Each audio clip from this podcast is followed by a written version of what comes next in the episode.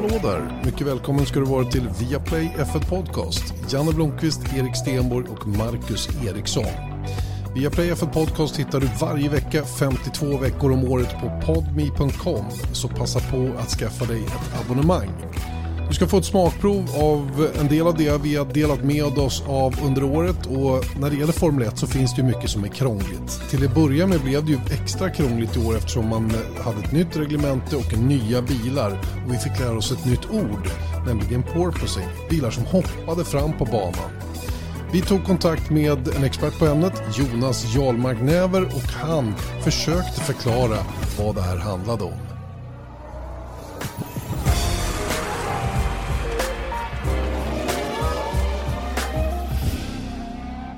Det, det, det, är väldigt snack om porpoising och det, det är ju för att det är så synligt. Man, man ser det jättetydligt att det är ett problem men teamen försöker få det att bli så litet problem som möjligt. Och eh, alla äldre förare de sitter hemma i soffan och drar på munnen, de som körde på 80-talet. Det där är väl ingenting, det där höll vi på med också på våran tid och det var inget större bekymmer, tänker de då?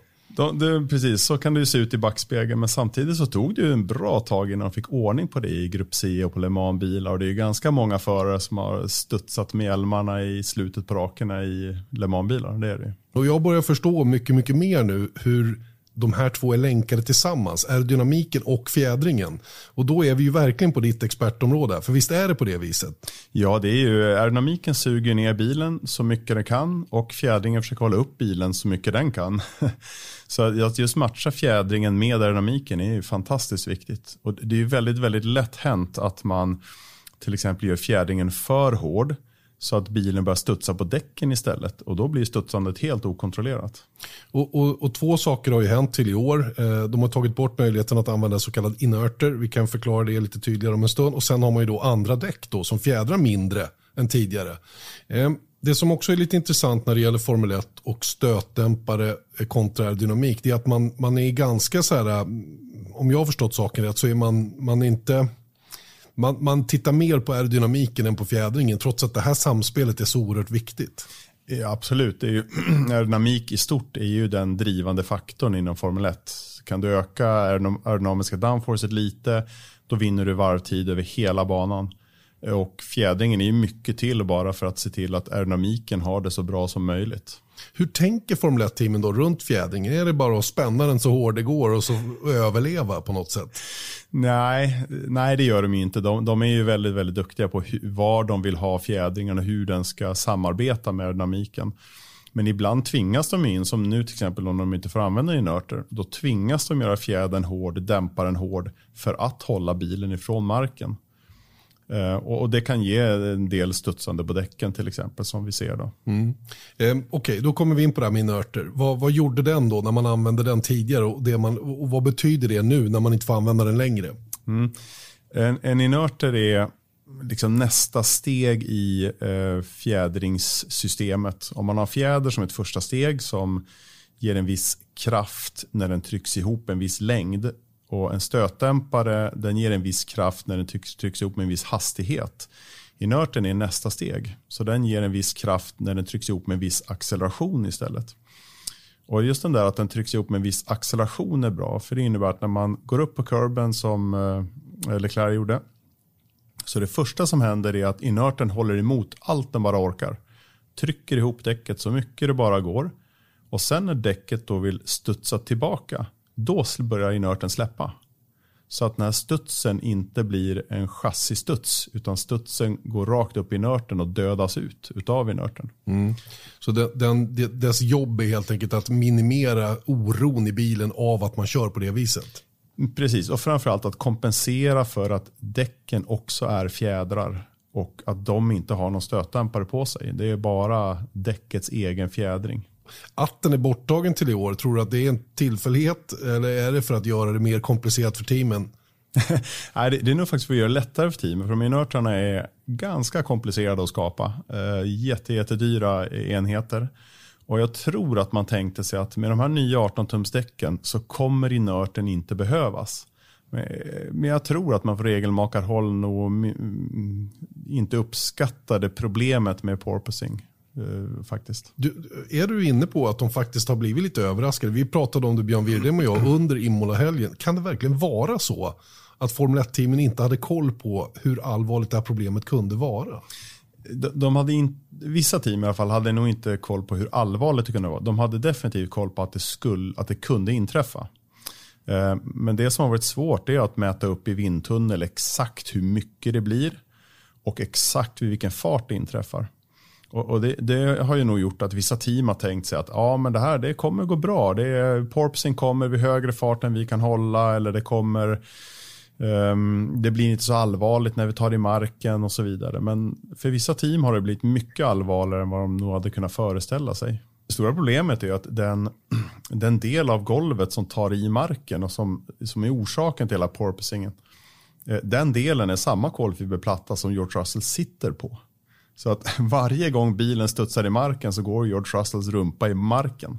Och det är ju extremt oskönt i en och en halv timme i 300 km i timmen. Okej, okay, då ska vi försöka bena ut varför Mercedes-bilen är som den är då, i förhållande till till exempel Ferrari-bilen och om vi jämför också med Red Bull då, som inte har, uppenbart verkar ha några problem med porpoisen överhuvudtaget. Red Bull och Ferrari är någorlunda jämna tidsmässigt men uppför sig väldigt olika på banan. Eh, Mercedes-bilen uppför sig ungefär som Mercedes-bil eller som Ferrarin med mycket studs men ligger långt, långt efter rent tidsmässigt. Går att förklara varför det ser ut på det här viset? Det, det gör det säkert. om man har tillgång till all vindtunneldata och all CFD och så vidare så går det garanterat att förklara varför. Det, det jag kan komma med ett antal gissningar. Till en varför teori i alla fall. Ja, precis. Jag kan gissa åtminstone. Eh, och då är det så att Red Bull verkar köra sin bil lite högre än de flesta andra. Vilket gör att den inte riktigt tar i marken. Och de har hittat sätt att få det här golvet att skapa downforce trots att bilen är högre. Och Det man gör det med är flödet som är ovanför golvet. Så när, när flödet lämnar golvet antingen åt sidorna vid sidepodsen eller längst bak. Så helt beroende på hur man designar luftsläppet där så hjälper man golvet att skapa downforce. Och gör man det på ett effektivt sätt, då kan man köra bilen lite högre. Um, om vi tänker på det så har ju Red Bull alltid haft en high rake filosofi med sina gamla bilar. Så de har ju varit duktiga på att skapa downforce trots att diffusor och golv är ganska långt ifrån marken. Medan Mercedes däremot, de har kört precis tvärtom. Låg, låg rake, golvet nära och så vidare. Och de har nog haft en helt annan strategi för hur de skulle skapa downforce med det här golvet. Den strategin verkar inte ha fungerat. Nej. Och så har vi Ferrari någonstans mitt emellan här nu då, som har, som har fått en bil att bli snabb trots att den hoppar väldigt. Precis, den hoppar, men den hoppar i slutet på rakorna ganska kontrollerat. Det är säkert obekvämt, det är det säkert. Men de, de verkar vara ganska duktiga på att trimma in med fjädringen exakt var den ska börja studsa och också vet hur de ska få det att sluta och inte påverka kurvor och inbromsningar och så vidare. Just det, och du hade någon teori om vad Ferrari gör då eventuellt för att ha bättre koll på den. Det här är ingenting vi vet säkert såklart, men det, det låter eh, sannolikt. Mm. Om, om, man tittar på data ifrån kval, kval och race och så, så kan man se att eh, ungefär 30 meter innan bromspunkt när bilen studsar som värst, då minskar plötsligt farten lite, lite grann men de håller fortfarande full gas. Så det innebär att någonstans försvinner energi. Så antagligen är det eh, energiåtervinningssystemet som man kopplar in. Och Det gör att bilen då bromsar lite, lite grann. Så den tippar framåt lite grann och den sänker farten lite grann. Och Det är precis tillräckligt för att få den att sluta studsa. Och gör man då det, säg 30 meter innan bromspunkt. Då kommer bilen lugna sig precis till man ska bromsa. Och då blir bromspunkten bra och så vidare. Men om man däremot studsar hela vägen fram till bromspunkt, då blir det läskigt att sätta den rätt och så vidare. Just det, och det, det, det hörs ju att det här är en jättevinst för Ferrari att de har det på det här viset. För att en, en, en inbromsning i Formel 1 det är ju maxtryck bara, så mycket det går. Och har du bilen lugn och alla fyra hjulen har kontakt med asfalten vid det tillfället, ja då får du ner farten så effektivt som möjligt. Är det oroligt upp och ner hela tiden, ja då blir det ju genast att en ofjädrad bil till exempel och du trycker på fullt på bromsen, ja då, då riskerar du att låsa upp helt enkelt. Ja exakt, du kommer låsa upp minst ett hjul. Jag tyckte vi såg under försäsongstester och så att det var många bilar som lite här och där plötsligt låste ett hjul i någon inbromsning, så helt ologiskt. Eh, och det har sannolikt triggats av porpoising och att de har börjat bromsa medan bilen har studsat. Okej, då har vi etablerat då att, eh, eller etablerat, men vi, vi tror i alla fall att, att det Red Bull gör då är då på sedvanligt vis får man väl ändå säga som de har hållit på med ända sedan vi hade blown diffusers och Quanda avgassystem. Det vill säga att de använder skillnaden mellan, i tryck då, mellan ovansidan på bilen och undersidan på bilen och så långt bak som möjligt på bilen så skapar man då downforce ut ur diffusern. Eh, är det rätt förklarat? Ja, det skulle jag nog säga. Och det, som jag har förstått det så kör Red Bull också med lite mindre bakving än de flesta andra team, vilket är ett tecken på att man skapar lägre tryck längre bak i eh, undergolvet. Så att man inte behöver så mycket vinge för att skapa balans mellan fram och bakaxel i downforce. Mm. Eh, och så tittar vi på bilkoncepten och vi noterar ju då att, att eh, Mercedes-bilen ser helt annorlunda ut jämfört med alla andra. Väldigt tajt paketerad runt kylarna och Eh, de har ju, eh, det verkar ju så som den är, så, så som den är byggd i alla fall, så att de, de vill ha av luften från ovansidan på bilen utåt sidorna, mer än att den ska fortsätta längs Coca-Cola-midjan och ner över diffusen. Mm, det, det, är så Mercedesen ser ut åtminstone. Det är ju som vanligt väldigt svårt att, att veta om man inte ser vindtunnel eller CFD-bilder av hur flödet verkligen går. Men spontant så ser det ut som att de har försökt trycka luften åt sidorna och använda golvets sidokanter för att skapa lågt tryck under golvet.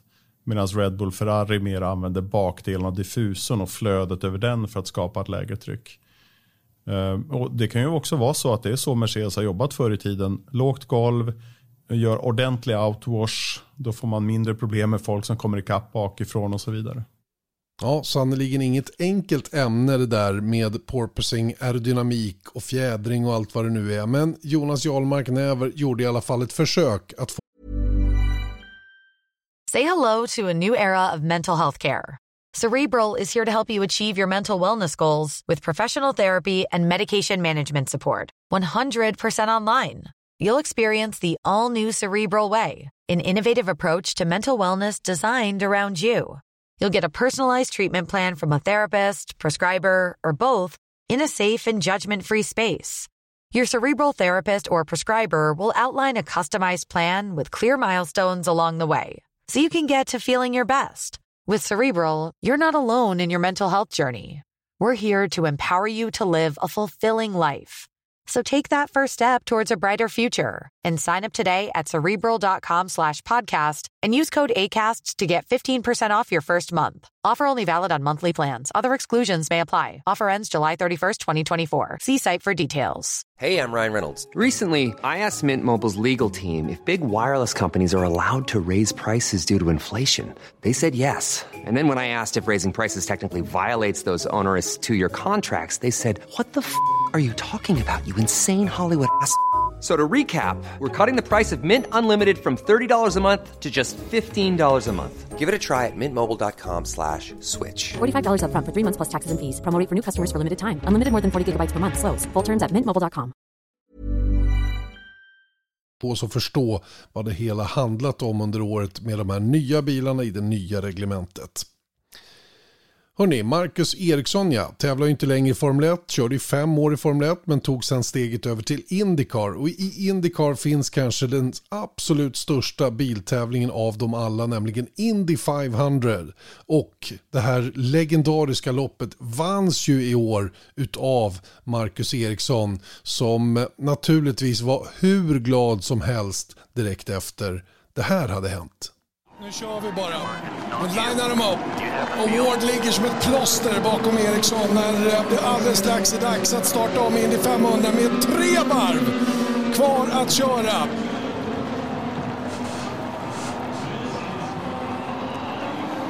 Vänta, kör, kör, nu sticker, nu sticker eh, Eriksson på Ward. Kommer inte riktigt ikapp när de drar iväg. Här kommer nu ormen och Eriksson han försöker att skaka av sig Felix hela Rosenqvist uppe på Ward. Felix Rosenqvist är uppe på Ward och hugger och kanske uppe mot Kanar också. Det är farligt nära att de inte klarar det där. Eriksson kommer loss i alla fall. Han får lite lucka. Han får lite lucka, Han får lite lucka. Eriksson ut på näst sista varvet. Näst sista varvet. När de kommer ner mot målgång nästa gång så är det vit flagg för sista rundan. Sista rundan Nu är utav det- racet. Här kommer Eriksson nu ut genom kurva 3. Genom kurva 4 och Ward finns där bakom. Ett varv kvar att köra. Ett varv kvar att köra. Nu kommer Award. Nu kommer. Award, nu kommer Award, nu kommer Award och det är ormen. Det är ormen, det är fighten om första platsen och Ward är uppe och förbi. Eriksson biter tillbaka in i kurva 1. Han biter tillbaka in i kurva 1. Han är först genom kurva 2. Han får lite lucka. Han har det nu. Han har det nu. Marcus Eriksson har lite lucka.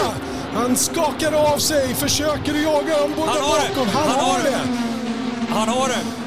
En kurva kvar när han går in i kurva tre.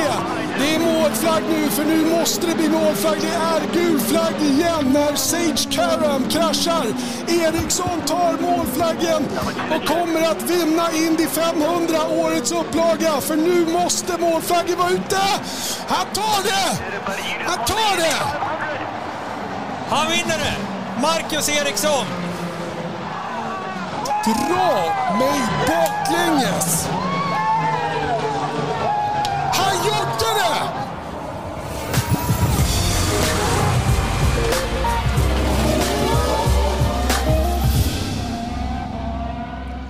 Okej, Marcus, nu sitter vi i ditt motorhome igen och när vi pratade igår så sa du att det är klart jag vinner.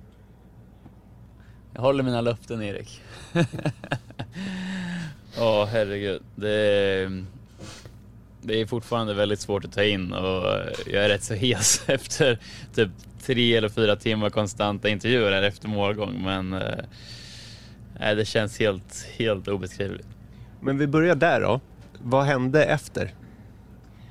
Ja, det var ju konstant eh, fotografering, eller ja, först de här traditionerna med mjölken och firandet såklart och sen victory lap och vinka till alla fans, vilket var supercoolt. Eh, sen alla bilder på podiumet och sen var det ju oändligt med media och tv och ja, presskonferens och allt vad det var efteråt. Då. Så det har varit ja, fullt nu till klockan åtta som klockan är lokaltid när vi spelar in det här. Eh, precis nu när jag kom tillbaka till bussen för några minuter sedan. Och hur känner du det rent liksom kroppsligen? rätt tömd. Alltså man är rätt så slut i både kropp och skalle. Eh, ja, det är den känslan man har. Men, ja, då svarar du på det själv där, men, men eh, fattar du vad du har gjort? Alltså det är andra svensken totalt, första på 23 år och den första Ganassi-föraren på 10 år. Jag menar, det, det, och jag såg faktiskt på Indycars Instagram så står de så här He will never be presented the same way again. Exakt, de säger att det är life changing det här racet och eh, det är världens största racingtävling, utav världens, världens största sportevent överlag och eh, det är något man drömmer om och jobbar mot under hela sin karriär. Och stå där som vinnare är ju det är så svårt att ta in det. Eh, men ja, det, det är ju ja, det, det blir ju svårt att sätta ord på de känslorna. Vet du vad som händer för dig den kommande veckan? Vi vet att du ska tävla i Detroit nästa, eh, nästa helg, men fram tills dess? Ja, jag fick lite snabbt eh, rundown här av mina mediafolk, så imorgon så är det fotografering igen här på banan och massa mer intervjuer. Och sen på kvällen så är det ju den stora galan, eh, prisgalan då eh, för Indy 500 här i Indianapolis. Sen tidigt på tisdag morgon flyger vi till New York och så är det pressdag och mediadag hela dagen i New York då på, på tisdagen. Eh, och sen var det eventuellt skulle jag vara kvar eh, i New York tisdag kväll och gå på en Yankees-match eller flyga hem till Indianapolis tisdag kväll. Och sen blir det ju ja, upp mot Detroit då på onsdag eller torsdag. Så mm, det kommer vara rätt så fullt här närmsta dagarna. Du vet att jag är en stor Yankee-fan. Alltså, tänk om du får sl- slänga ut den här första pitchen. Ja, det var rätt så coolt, eller hur? Så, ja, det, det kommer nog hända en del saker de närmsta dagarna, helt klart. Det enda jag vill är att jag får den bollen då. Det enda jag vill i resten av mitt liv är att jag får den bollen. Ja, Okej, jag ska se vad jag kan göra. Jag kan inte lova något, men jag ska, jag ska göra ett gott försök, Erik. Men du, då återigen, jag gissar att du har fått den här frågan 9000 gånger, den här. Men ta oss igenom racet. Ja, men jag visste ju redan innan att jag hade en otroligt bra bil. Jag menar, vi har varit snabba hela Manta May och eh, kvalade extremt bra, startade på ett perfekt ställe. Så jag hade en plan innan. Jag tänkte bara åka med där, topp 5, topp 4, hela första egentligen till ja, första 150 varven eh, och liksom vara typ topp 3 när det är 50 varv kvar var min plan. Så därför försökte jag bara inte ta några risker, bara spara däck och bränsle och ligga liksom, bara åka med egentligen tills dess. Och allt gick enligt plan. Jag tror jag tappade, jag körde om någon bil, sen tappade jag Patto och han var lite aggressiv. Tänkte jag, ja men om du nu vill göra det här i början på racet, kör om då och jaga på. Så allt gick enligt plan. Sen tyvärr där på, jag vet inte om det var tredje eller fjärde stoppet så, så blev det ju problem där i depån. Eller vi hade ett bra stopp men sen när jag skulle, när jag skulle ut så kom Jimmy, min teamkamrat och svängde in och, och då var jag tvungen att bromsa för att det inte skulle bli en eh, kollision då. Och det vart ju rätt så kostsamt för mig med att det var gul flagg då så då tappade jag ner till åttonde plats istället för den tredje platsen jag låg på. Och då, det var rätt så tungt för då tänkte jag shit det här kan bli svårt för att det var så svårt att köra om när du låg lite längre ner i en klunga. Så när jag låg åtta då tänkte jag att det här blir svårt att hinna tillbaks upp och vinna det här racet. Så tänkte jag att ja, man kanske kan rädda en topp tre plats möjligen. Men ja, det var ju bara att fokusera igen, försöka göra bästa av situationen. Hade några till omstarter, jag tog någon varje omstart och, och liksom jobbade mig upp där och låg sexa tror jag, eh, den näst sista stinten. Och det var väl då som det började klicka för mig igen. Bilen kändes riktigt bra. Jag började pusha de här sista procenterna som jag hade liksom sparat under tidigare delen av racet. Och eh, under den näst sista stinten så körde jag väldigt mycket fuse för att kunna ge mina strate strateger en möjlighet att köra en längre näst sista stint för att få lite fri, fri luft. Och det var ju det exakt som vi gjorde, att jag fick lite fri luft runt det där stoppet, kunde kräma på allt vi hade och gjorde några riktigt snabba varv. Så då när vi gjorde det sista stoppet så kom jag ju ut sen från depån som trea bakom Felix och Pato.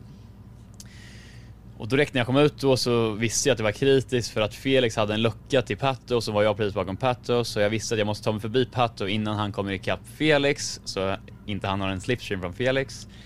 Lyckades ta mig förbi Pato och sen samma sak där så såg jag att det kom trafik, varvade bilar framför Felix så jag visste att det var kritiskt att hinna ikapp och förbi Felix innan han kom ikapp trafiken.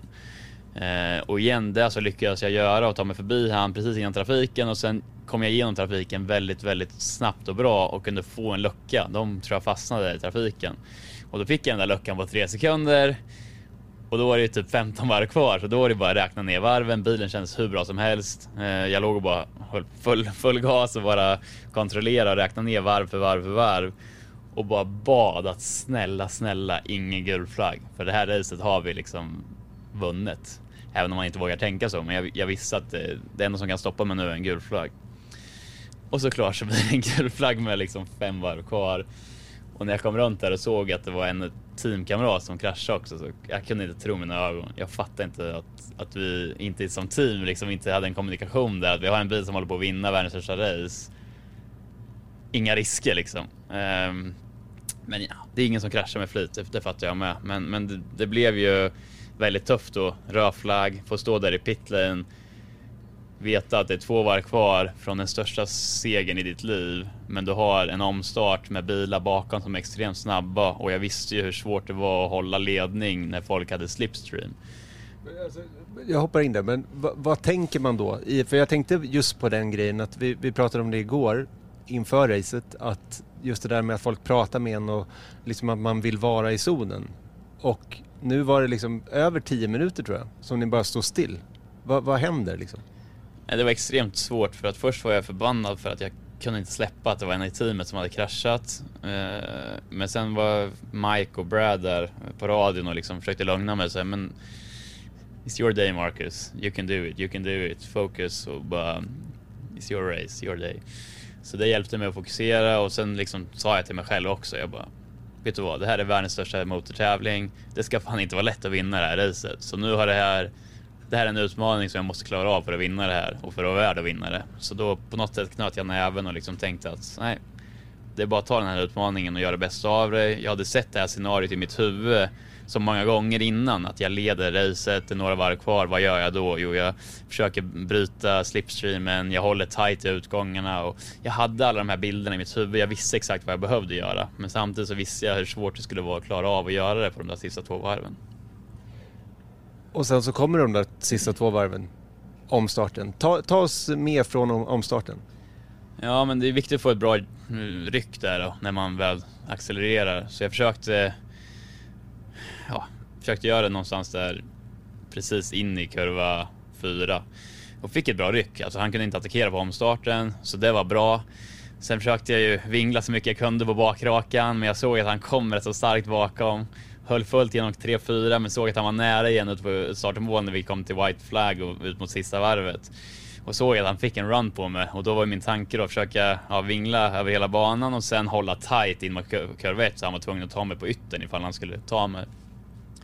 Och då när jag såg att han kom på utsidan tänkte jag jag kommer bara hålla full gas. Jag kommer inte släppa på gasen utan ska han förbi mig då måste han jobba för det. Så jag höll full gas. Say hello to a new era of mental health care. Cerebral is here to help you achieve your mental wellness goals with professional therapy and medication management support. 100% online. You'll experience the all new Cerebral Way, an innovative approach to mental wellness designed around you. You'll get a personalized treatment plan from a therapist, prescriber, or both in a safe and judgment free space. Your cerebral therapist or prescriber will outline a customized plan with clear milestones along the way so you can get to feeling your best. With Cerebral, you're not alone in your mental health journey. We're here to empower you to live a fulfilling life. So take that first step towards a brighter future and sign up today at cerebral.com slash podcast and use code ACasts to get 15% off your first month. Offer only valid on monthly plans. Other exclusions may apply. Offer ends July 31st, 2024. See site for details. If you thought the only way to get a more defined jawline with natural looking results was through surgery, think again. Juvederm Volux XC is a non surgical injectable gel filler that improves moderate to severe loss of jawline definition and can help you achieve natural looking results with little downtime. Even better, this improved definition lasts up to one year with optimal treatment. No maintenance required. Improve jawline definition for a smooth, sculpted look with Juvederm Volux XC. For important safety information and to find a licensed specialist, visit juvederm.com. That's J U V E D E R M.com. Not for people with severe allergic reactions, allergies to lidocaine, or the proteins used in Juvederm. Common side effects include injection site redness, swelling, pain, tenderness, firmness, lumps, bumps, bruising, discoloration, or itching. There's a risk of unintentional injection into a blood vessel, which can cause vision abnormalities, blindness, stroke, temporary scabs, or scarring. Talk to a licensed specialist to find out if it's right for you. Han backade ur det och då visste jag att nu ska det bli mycket till att han ska hinna göra en attack till. Och sen två kurvor senare kom ju gulflaggen som gjorde att det var klart. Och sen passerar man då, det blev ju faktiskt gul flagg precis innan målgång som du sa. Och så rullar det över, men då, till och med då så var ju, det kändes som att publiken inte riktigt var helt hundra på sig, okej okay, vad händer nu, blir det en igen? Men det var ju klart. Och när du korsar mållinjen, vad händer i ditt huvud? Det blir en explosion av känslor. Ehm, det är svårt att sätta ord på det. Ehm, som sagt, det är något jag har jobbat så extremt hårt och länge för, en sån här framgång. Och det har varit många tuffa liksom, moment under min karriär eh, där det har gått väldigt mycket emot och det har varit svårt att liksom kriga på. Så det är klart att eh, det är mycket sånt som, som kommer. Det blir väldigt mycket känslor och eh, även faktumet att liksom min familj var här i helgen och flickvän och Eje och Alex och Finn och alla de här som har trott på mig i alla år var här och fick dela den här eh, upplevelsen och den här segern. Det, eh, det var väldigt, väldigt eh, emotionellt. Jag ställde den frågan tidigare, men hur, hur smakade faktiskt den där mjölken som alla drömmer om? Jag är ingen så här extrem mjölkdrickare, eh, men den där mjölken smakade fantastiskt gott. Jag ska lägga till då till, till slut då. Det finns någonting som heter The Indy 500 Hangover. För som du sa, du kommer på bankett imorgon på måndag och sen så New York på tisdag, onsdag och sen så, men sen så är det Detroit till, till nästa helg. Hur, hur tänker du inför det? Jag vet att du inte har tänkt på det nu, men nu när jag frågar. Nej, men jag leder mästerskapet nu. Eh, Detroit är en av mina absolut favoritbanor på kalendern. Jag vann mitt första Indycar-race där. Jag tog min första pallplats i Indycar där. Så jag kommer åka dit och försöka vinna igen. Det är ingen tvekan om det. Du vet hur det är. Om man vinner så får man vara med i F1-podden. Exakt, det här är perfekt. Ja visst är det perfekt. Tänk att få vinna Indy 500. Vilken känsla det måste vara. Det är ju helt galet. Viaplay F1 Podcast var på plats. Erik Stenborg med Marcus Eriksson en 3-4 timmar sådär efter målgång med en ganska så sliten röst lät det som. Formel 1-kalendern innehåller många banor och eh, flera av dem har en rätt så intressant historia. Erik Stenborg han satte tänderna i en av dem, nämligen den i St. Lawrence-floden utanför Montreal på en eh, konstgjord ö som heter Ile Notre Dame. Kanadas Grand Prix har anordnats sedan 1961 och varit en del av Formel 1-VM sedan 1967. Racet arrangerades först på Mossport Park utanför Toronto som ett sportvagnsevenemang innan man började alternera mellan Mossport och Montreblanc Circuit i Quebec efter att F1 tagit över eventet. Efter 1971 ledde säkerhetsproblem på Montreblanc att man flyttade permanent till Mossport. Och efter ett olycksdrabbat race där 1977 var det återigen oro för säkerheten som gjorde att man behövde hitta ett nytt hem för Kanadas Grand Prix. I St. Lawrence-floden som går öster om Montreals stadskärna ligger ön Ile Notre Dame, en konstgjord förlängning av St. Helens Island. Ön byggdes till världsutställningen 1967 och användes också som arena under OS 1976. Man behövde hitta ett nytt användningsområde för ön och varför då inte bygga en racerbana? Ile Notre Dame Circuit stod klar 1978 och det blev Kanadas Grand Prix nya hemvist. Än idag så kan man se rester från öns ursprung under tv-sändningarna. Håll ögonen på en gigantisk sfär i metall, den så kallade Biosphere, vilket var USAs paviljong under Expo 67. Vattenbassängen i mitten av banan, precis bakom paddockområdet, var rodd och kanotarenan under OS. Det första racet kördes 1978 och vanns passande nog av hemmasonen och nationalikonen Gilles Villeneuve. När Gilles tragiskt förolyckades på Solderbanan i Belgien 1982 så döptes banan om till Circuit Gilles Villeneuve. Banan och evenemanget i stort är omtyckt av i stort sett alla. Det finns dock vissa, ska vi säga, problem med att ha en racerbana på Ile Notre Dame. Under marken har man byggt vattenmagasin för att samla upp regnvatten då man av miljöskäl inte vill släppa ut förorenat vatten i St. Lawrence-floden. Lite regn går fint, men om det regnar mer än lite, ja, då blir det problem. Vattenmagasinen fylls då och regnvattnet har ingenstans att ta vägen. Det var det som gjorde att Kanadas Grand Prix 2011 blev det längsta F1-racet i historien. Fyra timmar och fyra minuter med två timmars avbrott på grund av hårt regn där i mitten. Ett annat problem har faktiskt att göra med gnagare. Under de senaste veckorna, precis som alla tidigare år, har man rusat runt på Ile Notre Dame för att fånga in groundhogs, eller skogsmurmeldjur som sen släpps lösa på grannön St. Helens Island. Detta såklart för att de inte ska vandra in på banan vid fel tillfälle. Och det brukar funka bra, men det har inte varit helt incidentfritt genom åren. 1990 körde Alessandro Nannini på en jordekorre och fick punktering. 2007 så förstörde ett murmeldjur en träning för Ralf Schumacher. Och på tävlingsdagen samma år förlorade Anthony Davidson tredjeplatsen efter att ha kört på ytterligare ett. Romain Grosjean var den senaste som hade närkontakt med en groundhog under andra träningen 2018. Apropå närkontakt är det också svårt att inte nämna The Wall of Champions i en krönika om Circuit Gilles Villeneuve. Det handlar såklart om betongväggen i utgången av sista chikanen och ut på start och målraken. Namnet började användas efter Kanadas GP 1999 då Damon Hill, Michael Schumacher och Jacques Villeneuve, alla F1-världsmästare, kraschade in i muren som ironiskt nog hade sloganen “Välkommen till Quebec” skrivet på den. Och det är inte bara den trion som hälsat på i väggen. Sebastian Vettel och Jensen Button, Ricardo Sonta, Carlos Sainz, Kevin Magnussen, Jean Pablo Montoya med flera har också fallit offer för The Wall of Champions. Circuit Gilles Villeneuve i eh, St. Lawrence-floden utanför Montreal. En eh, härlig, en härlig plats, omtyckt bana och eh, bjuder ofta på väldigt, väldigt bra racing. Erik Stenborg med historien bakom. Marcus Eriksson, fem år i Formel 1, gjorde ju förstås att han skaffade sig en del kompisar i cirkusen. Eh, en av dem ska du få träffa nu. Han heter Julian Palmer, tävlade ihop med Marcus 2016-2017 och hade väl inte någon jättelyckad karriär, vilket grabbarna när de nu träffades och samtalade också kom in på en hel del.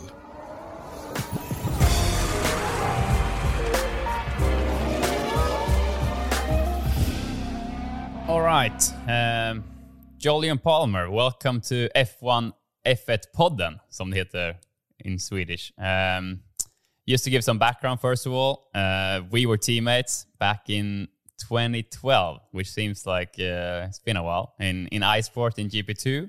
And and like I said, welcome to the podcast. Yeah, hur mår du? I think that's still right. There you go. Still my very Yeah. limited Swedish, and the rest of them I can't say on the podcast. So Well, I thought now we're just speak in Swedish for the rest of it. Is that okay? jättebra, jättebra. I'm, I'm impressed. No, good- now I'm you have a really out. memory. No, I'm really out. I won't be welcome back if I uh, if I say anything more. No, I, I'm impressed. Like I said, your memory is, uh, is uh, better than mine. That's for sure. Is uh, you got to be Uh, like that as a racing driver, like a sponge. You learn everything. Yeah, I learned so much from you, Marcus. That, that's what my engineer called me, the sponge. So you know, there you go.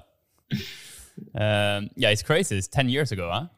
That's that is, Yeah. uh, pretty pretty insane. Time flies. We're very grown up now. Yeah, we try try to be right. Yeah, Um, um, so much has changed, hasn't it? G- that GP2 year was a vintage year as well. In fact, GP2 just in general was so much fun. I still think it's some of the funnest racing I've ever did. Yeah, I agree. I agree. Uh, I think we had a lot of yeah, a lot of fun those years, and um, and I think the series itself, you know, it was it was a really cool series to be part of. Um, a lot of good drivers, good racing. Uh, no fun racing. DRS, no DRS, Yeah. which was fun. You had It's to like proper. send in lunges. It was cool. Yeah. proper racing. And you know what? It's like IndyCar, pretty much. IndyCar is very much like GP2 in many ways, to be honest. Like, obviously, the car is quite similar as well. But um, uh, yeah, good time. They're heavy, time. heavy, and without the downforce, aren't they? Pretty much, pretty much. They are rough. you need to hustle those things. That's that's Yeah, yeah. definitely. But that's true. fun. It is, and the good thing is we don't have the Pirelli tires over here, so you don't have to like think that much about the tires. So I've honestly forgotten about anything other than Pirelli tires. Since 2011, I've only ever raced on thing. Pirellis or been like commentating on Pirelli tires. So anything else is alien for me right now. Yeah, that's not a good thing, mate. That's not a good thing. Anyway, all right. Um, just, let's get some questions here since this is a podcast and I have prepared some stuff uh, for you. Um, so, obviously, we were both in F1 back in 2016, 2017. Uh, I was obviously with Sauber, you were with Renault. How, how was your time, you would say, in F1? Like, like you don't have to talk about everything in detail, but just in general. Um, so I had two years. I would say the first year was actually was kind of enjoyable, even though the car was we were battling each other in the at the back with the Renault and the Sauber, and then there was Manor at the time that were running as well.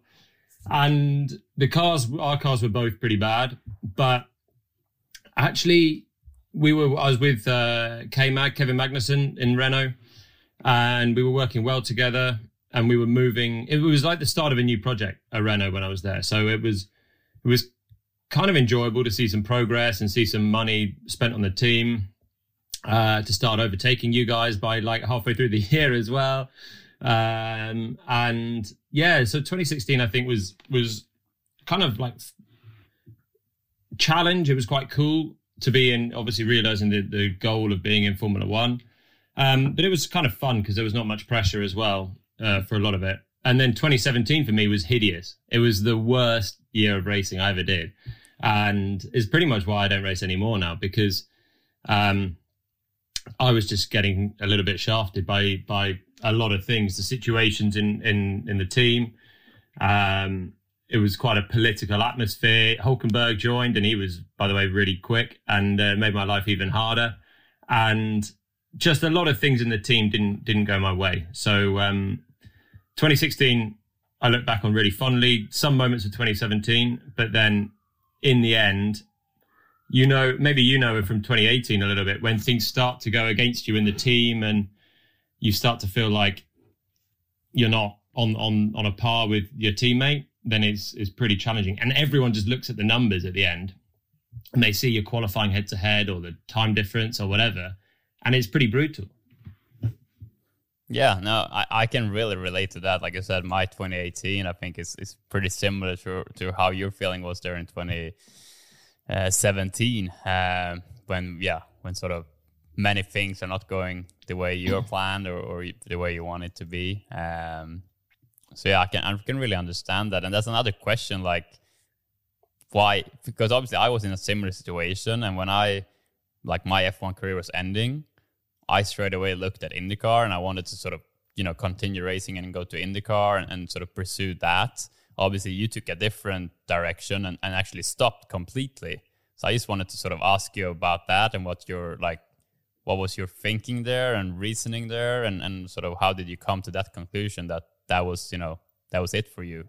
I, I sort of just I, I kind of had enough really. In 2017 it was it was just a little bit um just so tricky mentally to to try and keep turn up keep motivated when you know that um I was getting inferior parts compared to to Nico um he was really unbelievably quick anyway so even if we were on the same same car then probably I'm not kidding myself that he'd be quicker but it made it even harder and also in Formula One, it was just draining. There was 20, 21 races, is even more now, but it's really intense. And at the end of it, I basically just stopped. It was two things. First of all, I wasn't enjoying what I was doing anymore, which uh, was one thing. The other thing was I achieved the best thing that I could have achieved. And maybe you'll tell me that being in the Indy 500 champion is even better now. But for me, I, I got to Formula One, which was the dream and I got some uh, some okay results. And I then basically anything else was going to be like stepping down. And I don't know if I could motivate myself to to dig in and being being a racing driver in general. There's so much, you know, year on year contract stuff. You don't know if you're going to be having any job the next year.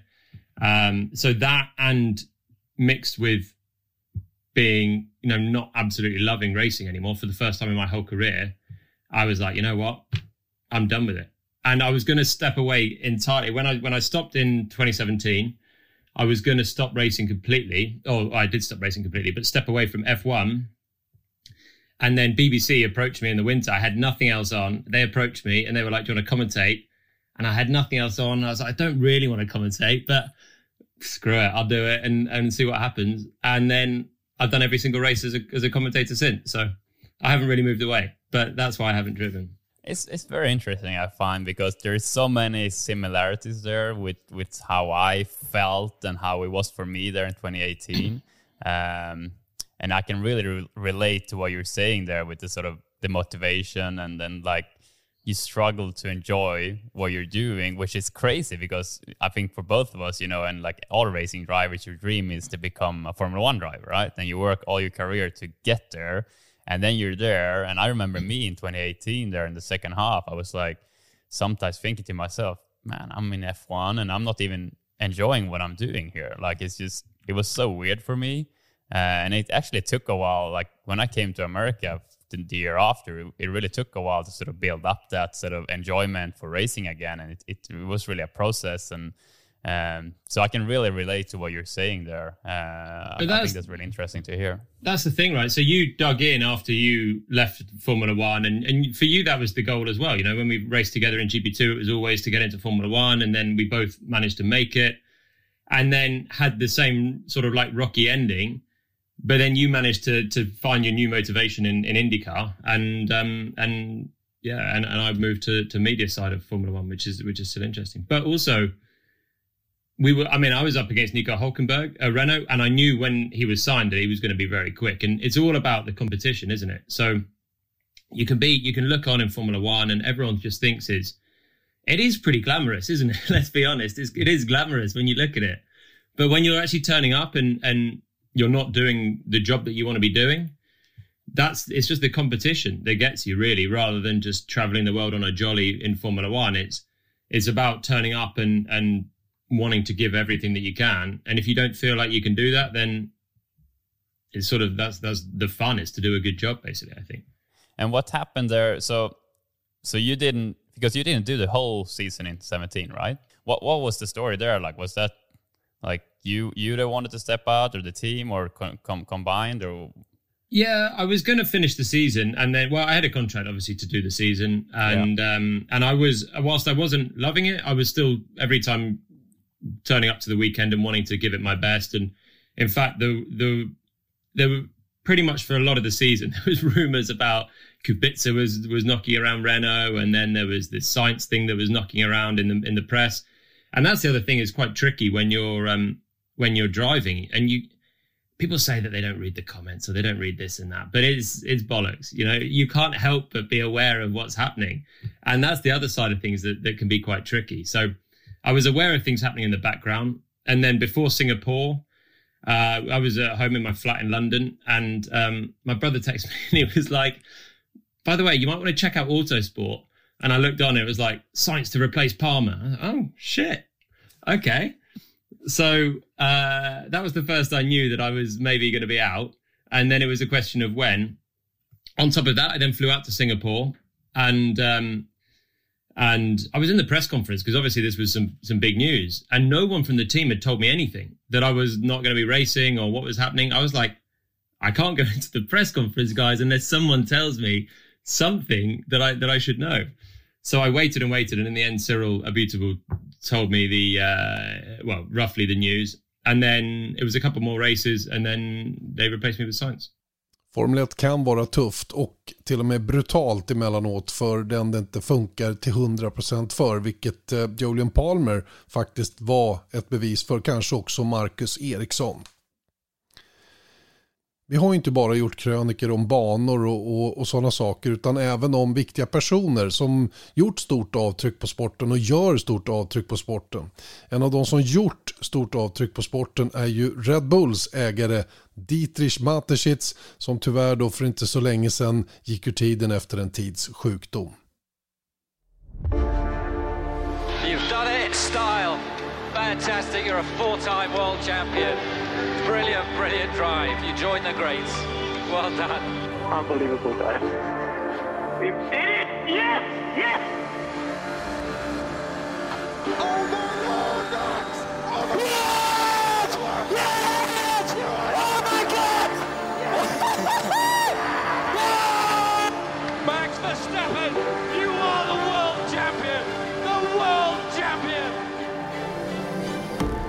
När österrikaren Dietrich Didi Mateschitz åkte på en affärsresa till Asien 1984 drabbades han av jetlag.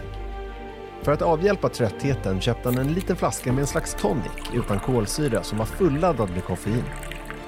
Drycken funkade och när han kollade upp tillverkaren och noterade att företaget bakom drycken tjänade en hel del pengar förstod han att det här med energidryck, som på den tiden inte direkt existerade som koncept i västvärlden, kanske hade potential. Red Bull GmbH startades och några år senare började deras produkter säljas i Österrike. Snabbspolar man fram till idag kan man konstatera att Red Bull säljer tiotals miljoner burkar varje dag och företaget rapporterar en omsättning på knappt 70 miljarder 2020. Maticic blev en av världens rikaste personer, men höll hårt om sitt privatliv. Han syntes sällan i rampljuset, men det gjorde sannoliken Red Bull. Företaget lägger miljarder på marknadsföring via sport. Allt ifrån enskilda snowboardåkare och fallskärmshopp från stratosfären till ägandeskap av fotbollsklubbar. Och såklart två Formel 1-stall och en F1-bana. Och det är såklart det här med Formel 1 vi ska fokusera på. Till att börja med kom det som något av en chock för F1-depån att Red Bull, utan några traditionella kopplingar till motorsport, köpte Jaguar-stallet av Ford 2004 för att skapa Red Bull Racing till säsongen därpå. Visst, Formel 1 var kommersiellt redan innan, men bland purister skavde det här en hel del. Det var ju bilmärken och traditionella racers som Frank Williams och Bruce McLaren som skulle driva stall i Formel 1. Inte några sliskiga läskedrycker. Och inte nog med det, de höll på med en massa konstiga upptåg långt utanför normen i Formel 1. De klädde ut sina förare till Stålmannen, spelade in filmklipp när de gjorde depåstopp i viktlöshet och hade skateboardproffs som hedersgäster i depån. Dessutom var de öppna mot depåns journalister. Mateschitz såg ju Formel 1 som en marknadsföringsplattform för sina drycker och då var det ju dumt att, som många andra team vid den här tiden, behandla de som skulle skriva om dem som skit. Plötsligt blev det enkelt att boka intervjuer med F1-stall och mediakåren flockades till Red Bulls gigantiska Energy Station mellan körpassen. Men skepsisen fanns kvar. Marknadsföring genom lustiga upptåg och öppenhet är väl en sak. Men sett till resultat var det få som trodde att Maticic menade allvar med Formel 1. Men det gjorde han, minst sagt. 2005 köpte han även gamla Minardi för att skapa ännu ett Red Bull-stall, detta vid namn Scuderia Toro Rosso. Med hjälp av landsmannen Dr. Helmut Marko hade han några år tidigare dragit igång en förarakademi vid namn Red Bull Junior Team för att lotsa fram framtidens F1-stjärnor. Helt finansierade av Red Bull. Sju av 20 förare på dagens grid, Sebastian Vettel, Daniel Ricciardo, Carlos Sainz, Pierre Gasly, Yuki Tsunoda, Alexander Albon och Max Verstappen, har alla lotsats fram av Red Bull Junior Team på olika vis. Tanken var helt enkelt att ha Toro Rosso för att på högsta nivå se vad förarna gick för innan de förhoppningsvis skulle ta VM-titlar med stora Red Bull Racing. Så som sagt, det är ingen snack om att Dietrich Mateschitz menade allvar när han klev in i sporten den där säsongen 2005. Men skeptikerna då? De som inte trodde att ett företag som sysslar med läskeblask skulle kunna generera resultat i motorsportens kungaklass. Vad hände med dem? Ja, jag gissar att de sista av dem omvändes någon gång sådär mellan 2010 och 2013 då Red Bull Racing tog fyra raka VM-titlar genom Sebastian Vettel. Men det är som sagt bara en gissning. Ja, en tråkig händelse givetvis. Dietrich Mateschitz, Red Bulls ägare som alltså inte längre finns med oss men som vi kommer att minnas under lång tid framöver skulle jag tro. Ja, då har ni hört en del av det som vi har bjudit på under året i Viaplay F1 Podcast. Jag hoppas ju självklart att du tecknar upp dig för ett abonnemang. Vi finns alltså på Podme, podme.com. Där går du in, skaffar ditt abonnemang så kan du höra Viaplay F1 Podcast med Janne Blomqvist, Erik Stenborg och Marcus Eriksson varje vecka, 52 veckor om året. Ha det gott, hej då!